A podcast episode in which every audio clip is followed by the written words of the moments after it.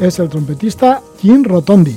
Y es que a Nueva York le suena a nuestro invitado, a Javier Reverte, le suena a sonido de trompeta. Por eso está sonando la música de Jim Rotondi. Y estamos ni más ni menos que con Javier Reverte.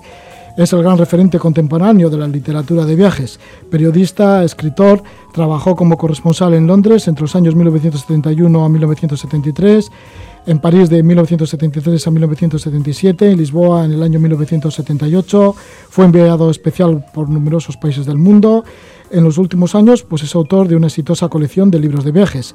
Ha pisado los cinco continentes, navegado por el Índico, el Pacífico, cruzado dos veces el Atlántico, ha costeado el Ártico, Mm, fue por el paso del noroeste, ha descendido el Amazonas, ha recorrido el curso del Alto Nilo, el Yangtze, navegado a bordo de un transbordador por el río Congo, ha remado en kayak por el río Yukon, en el que por cierto se cayó al agua, eh, ha bajado el Mississippi, ha surcado las aguas de los lagos Victoria, Tanganica y Tana, autor de ocho títulos sobre África, sobre el África Negra.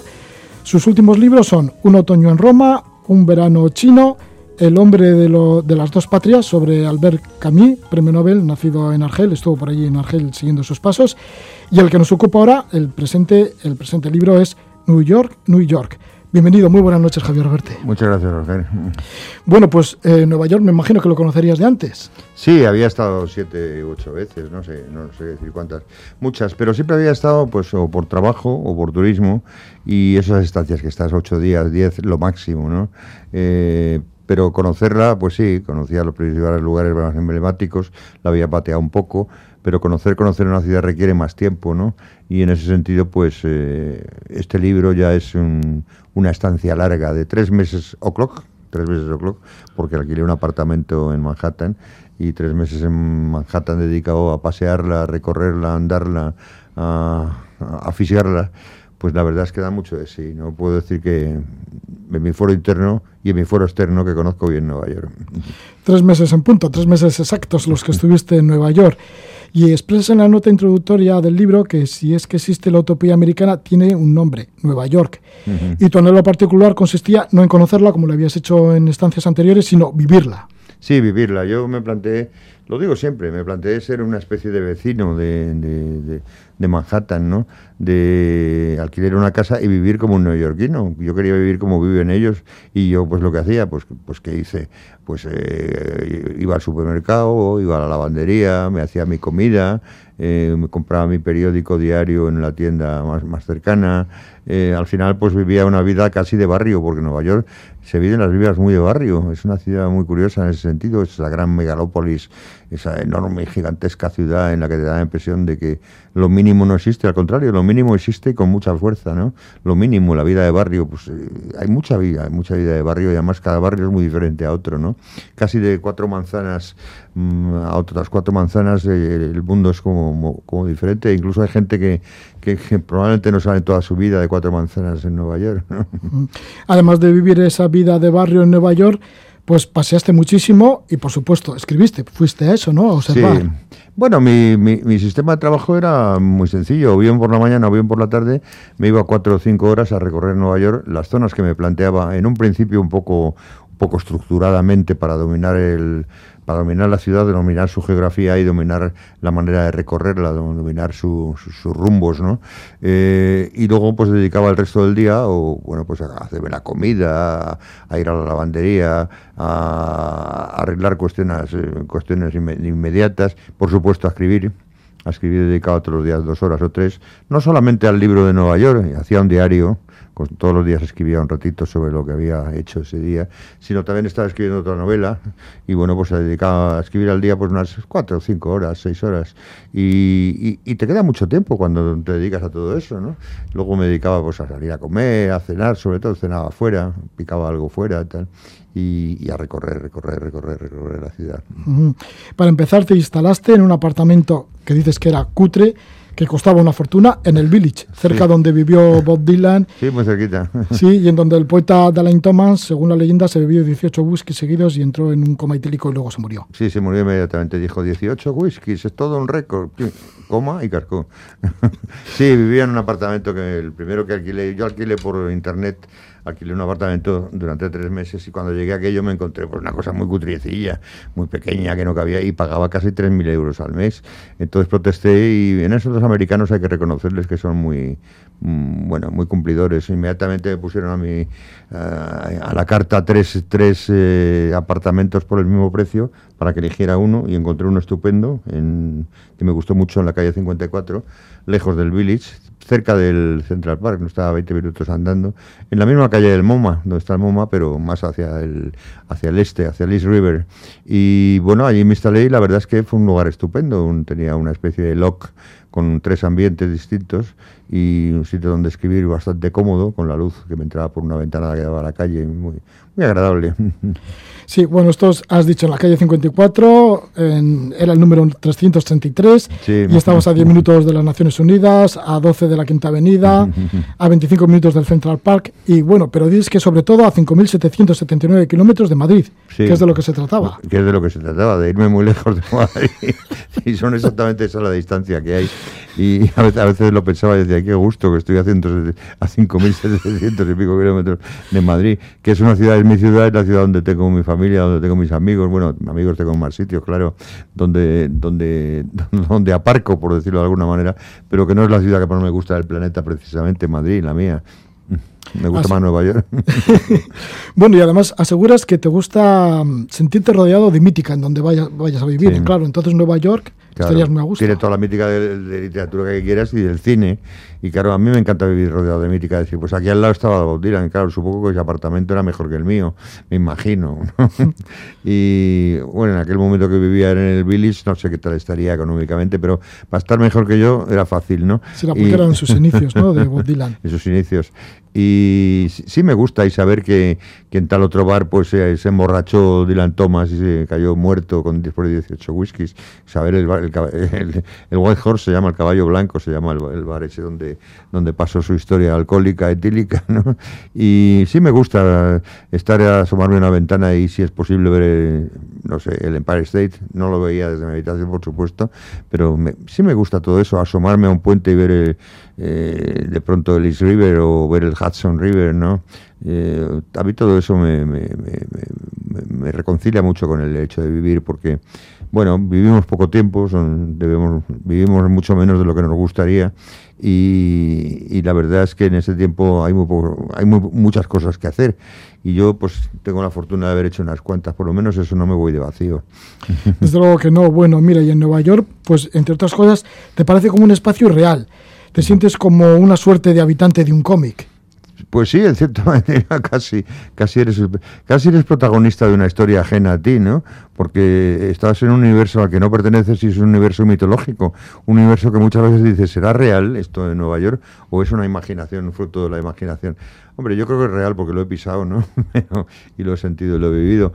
Pero sí tienes la sensación de vivir en un trozo del mundo donde, bueno, no, es fácil vivir en la manera que yo lo hice, ¿no? Eh, haciendo lo que te da la gana, exactamente.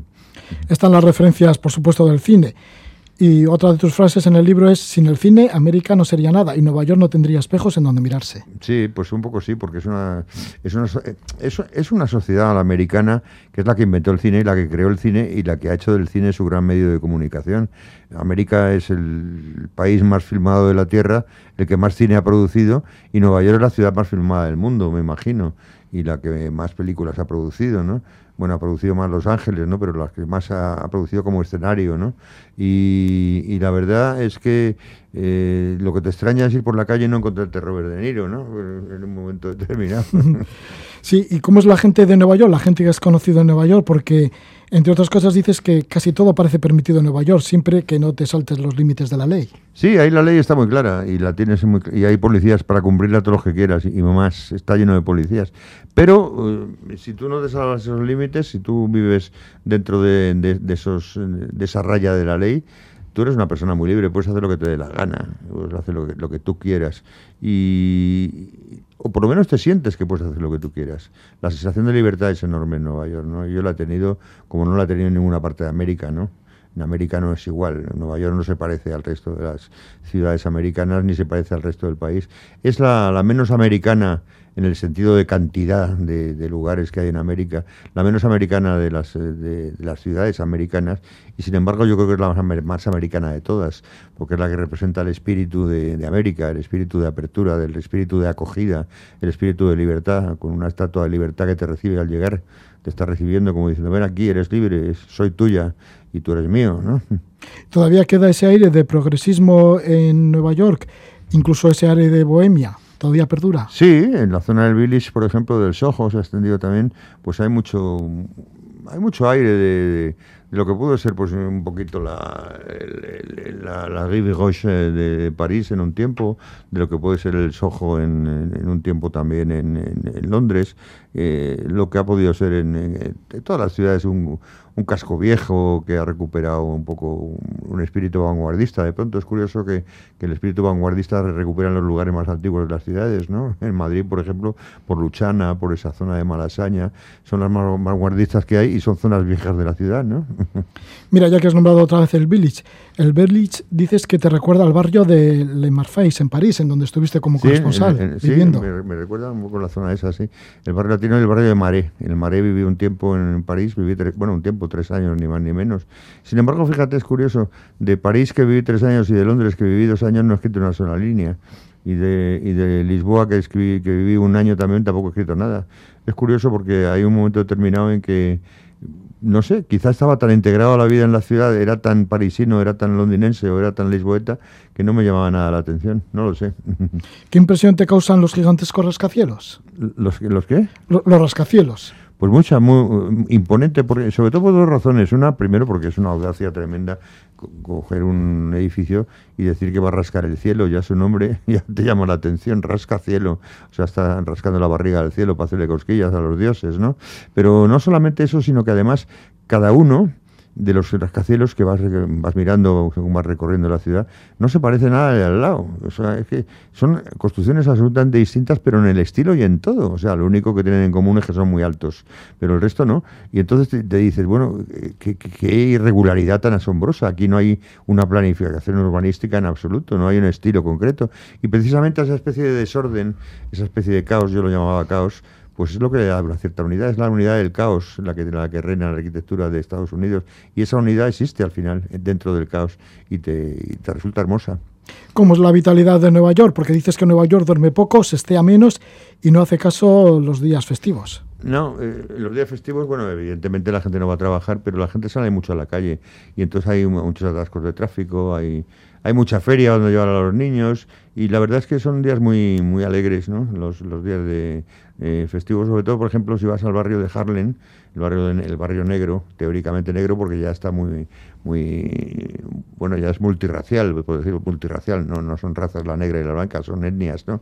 Multiétnico, es un, es un barrio ya multiétnico. Pero tú vas los domingos y ves a esos negros vestidos con trajes impecables, con corbatas llamativas, unas señoras vestidas con unos, unos unos vestidos malvas, preciosos con volantes y unos, unos sombreros eh, fantásticos eh, llenos de plumas. Eh. La verdad es que te, es una ciudad que el domingo se viste de gala, pero que te parece tan, tan, tan normal y tan vertiginosa como cualquier día de diario. Los domingos, bueno, ya hemos dicho que no, que comentas el libro que no hacen caso a los días festivos en Nueva York, pero los domingos, sobre todo al atardecer, ya te entra como una especie de depresión, supongo que en todas las ciudades del mundo. ¿Y en Nueva York esto es más grande? Quiero decir que se nota más la soledad, más el vacío. Bueno, la soledad es que hay dos tipos, la soledad buscada y la soledad que te han impuesto, ¿no? Entonces la soledad buscada es muy agradable. Eh, eh, por llamarla de alguna manera, porque en inglés existen dos palabras, en español solo escribe una, soledad, ¿no? En inglés hay dos, solitude y loneliness, ¿no? Y la buscada es agradable, cuando buscas la soledad, la verdad es que estás huyendo de, del agobio de la gente, es, es un privilegio. Lo malo es cuando te llega la soledad que no, que no quieres, cuando estás solo porque te han dejado solo. Eso, eso es terrible, ¿no? Y esa hay mucha, pero no solamente en Nueva York, en toda gran ciudad, en toda gran ciudad es, es, uno de los precios que hay que pagar por vivir en una gran ciudad, el saber que la amenaza de la soledad está encima de ti siempre. Digo que con tanto edificio gigantesco, pues igual el vacío se nota más todavía. Sí, se nota mucho más, con tanto edificio gigantesco y sobre todo con tanto vértigo en la ciudad y con tanta gente, ¿no? Con tanta gente yendo de un lado para otro, si estás solo, se nota mucho. Estuviste en buena época, en otoño, que parece ser que es la estación que más te gusta. A mí la estación que más me gusta siempre, la que más me gusta siempre. Será porque me gustan mucho las setas, a lo mejor, ¿no? Por cierto, este año no hay. no hay casi como no, ha llovido.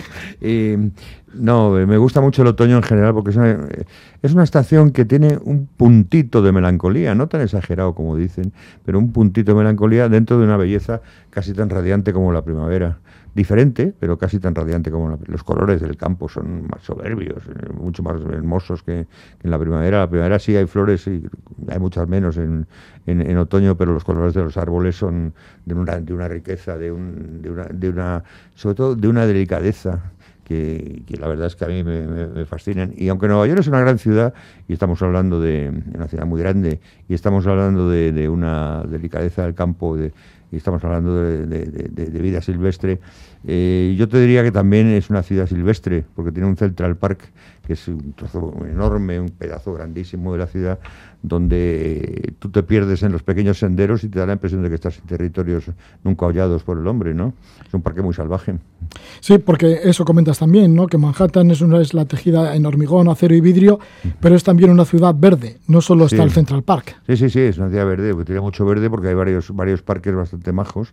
Hombre, el más grande es este, pero hay muchos otros muchos otros parques urbanos donde, bueno, se respira un aire un poco campesino. ¿Es el otoño la mejor estación para visitar Nueva York? Para mí sí, para mí sí, primero por el clima, no tienes el calor agobiante y húmedo del verano, que es horroroso, no tienes el frío tremendo del invierno, que es, que es terrible cuando cae. Estamos, ten en cuenta que estamos cerca del polo, y cuando el sol sopla por allí el aire del norte, es que te pelas vivo, ¿no? De frío, ¿no? Eh, es una, eh, es una, una, una estación templada, templada muy, muy bella. Yo creo que es la mejor época para ir, creo. ¿No quisiste salir de Manhattan? No, bueno, salí un par de veces a Brooklyn, salí también a dar una vuelta por, el Bronx, pero no, no me concentré en Manhattan porque Manhattan es el corazón de, de, esa ciudad y si ya te metes en lo que es Nueva York es enorme, muchísimo, ya Brooklyn es grandísimo, pero, pero Brooklyn ya no le encontré la gracia. Sí, es un barrio que ahora está muy de moda, sobre todo en la, en la orilla del East River, pues hay mucha gente joven que se ha trasladado por razones económicas, ¿no? Porque son más baratas las casas, ¿no? Son más baratos los pisos, pero y bueno, pues le han llevado, han llevado animación a Brooklyn pero a mí no me gusta, a mí me, parece feota, ¿no? me gusta más Manhattan. Sí, en donde creció Walt Whitman. Sí, Walt Whitman era de Brooklyn. sí, y luego cómo es la relación entre los neoyorquinos, entre unos y otros, pues muchas veces corriendo, ¿no? Cuando tienen que ir al trabajo, tanto pues el tráfico que hay como en las mismas aceras. Yo qué sé, porque por ejemplo dicen de los tuarés o la gente del desierto, pues que es hospitalaria porque tiene que serlo así. ¿La gente de Nueva York cómo es? Es muy gentil. Es muy gentil, es una gente que va urgida a todo porque es una ciudad muy vertiginosa y tú ves a diario la gente casi va corriendo cuando va por la calle. No se, se saltan mucho los semáforos, los peatones, por ejemplo, ¿no? En eso me recuerdan a mí mismo, me encanta saltarme los semáforos. Y, pero sin embargo son capaces de pararse, estar tranquilos, charlar un rato y sobre todo son tremendamente gentiles con el extranjero. Te atienden enseguida, que lo, que, lo común, eso que dices, ¿dónde está una calle? Bueno, se pueden parar contigo un ratito para indicarte exactamente a dónde es, te dicen si quieres más ayuda, incluso tú vas a lo mejor con cara de despistado y se te a acercar y decirte, oiga, ¿quiere que le ayude? se ha perdido usted.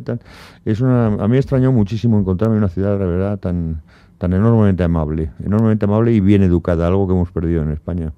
Sí, igual porque tiene que ser así, digo, porque es un lugar no sé, igual estoy exagerando, pero extremo, como pueda ser el Ártico, que lo has visitado, o el desierto. Digo que los tuaregs son así, hospitalarios, porque mm. tienen que serlos, porque tienen que ayudar mm. a la gente en el desierto. la gente de Nueva York es por eso. Y también por cultura. Ten en cuenta que es una gente que está acostumbrada a recibir extranjeros. De hecho, es un país hecho, hecho por extranjeros, es un país de migración Estados Unidos.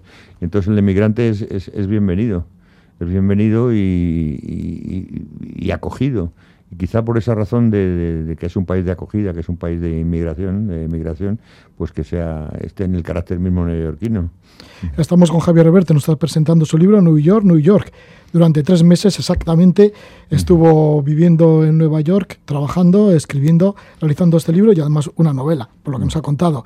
Y estamos hablando un poco de los neoyorquinos y la relación que tienen entre unos y otros. También comentas el tema de la paciencia y la cortesía en Nueva York.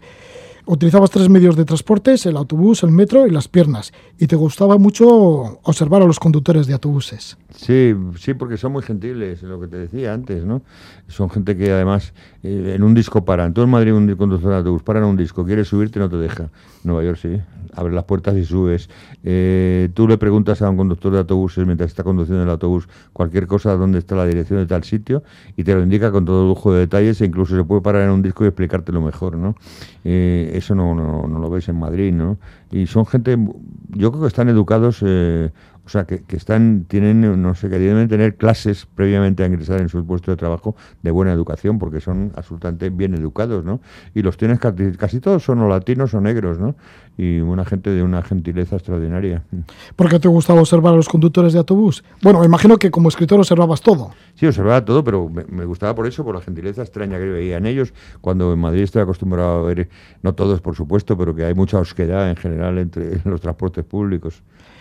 ¿Cuál era, por ejemplo, tu restaurante favorito o los locales bueno, que, bastante, que, eras asiduo? Pero a mí me gustaba mucho, como cuando quería darme un poco un, un, extra, el River Café, el River Café, que está en la orilla de Brooklyn, frente a Wall Street y toda la zona de los grandes edificios de los bancos, al otro lado del río. Y desde ahí se ve un skyline, la línea del, del cielo, estu estupendo, sobre todo en el atardecer. No se comía de más mal y tenías una visión fantástica del Nueva York al atardecer.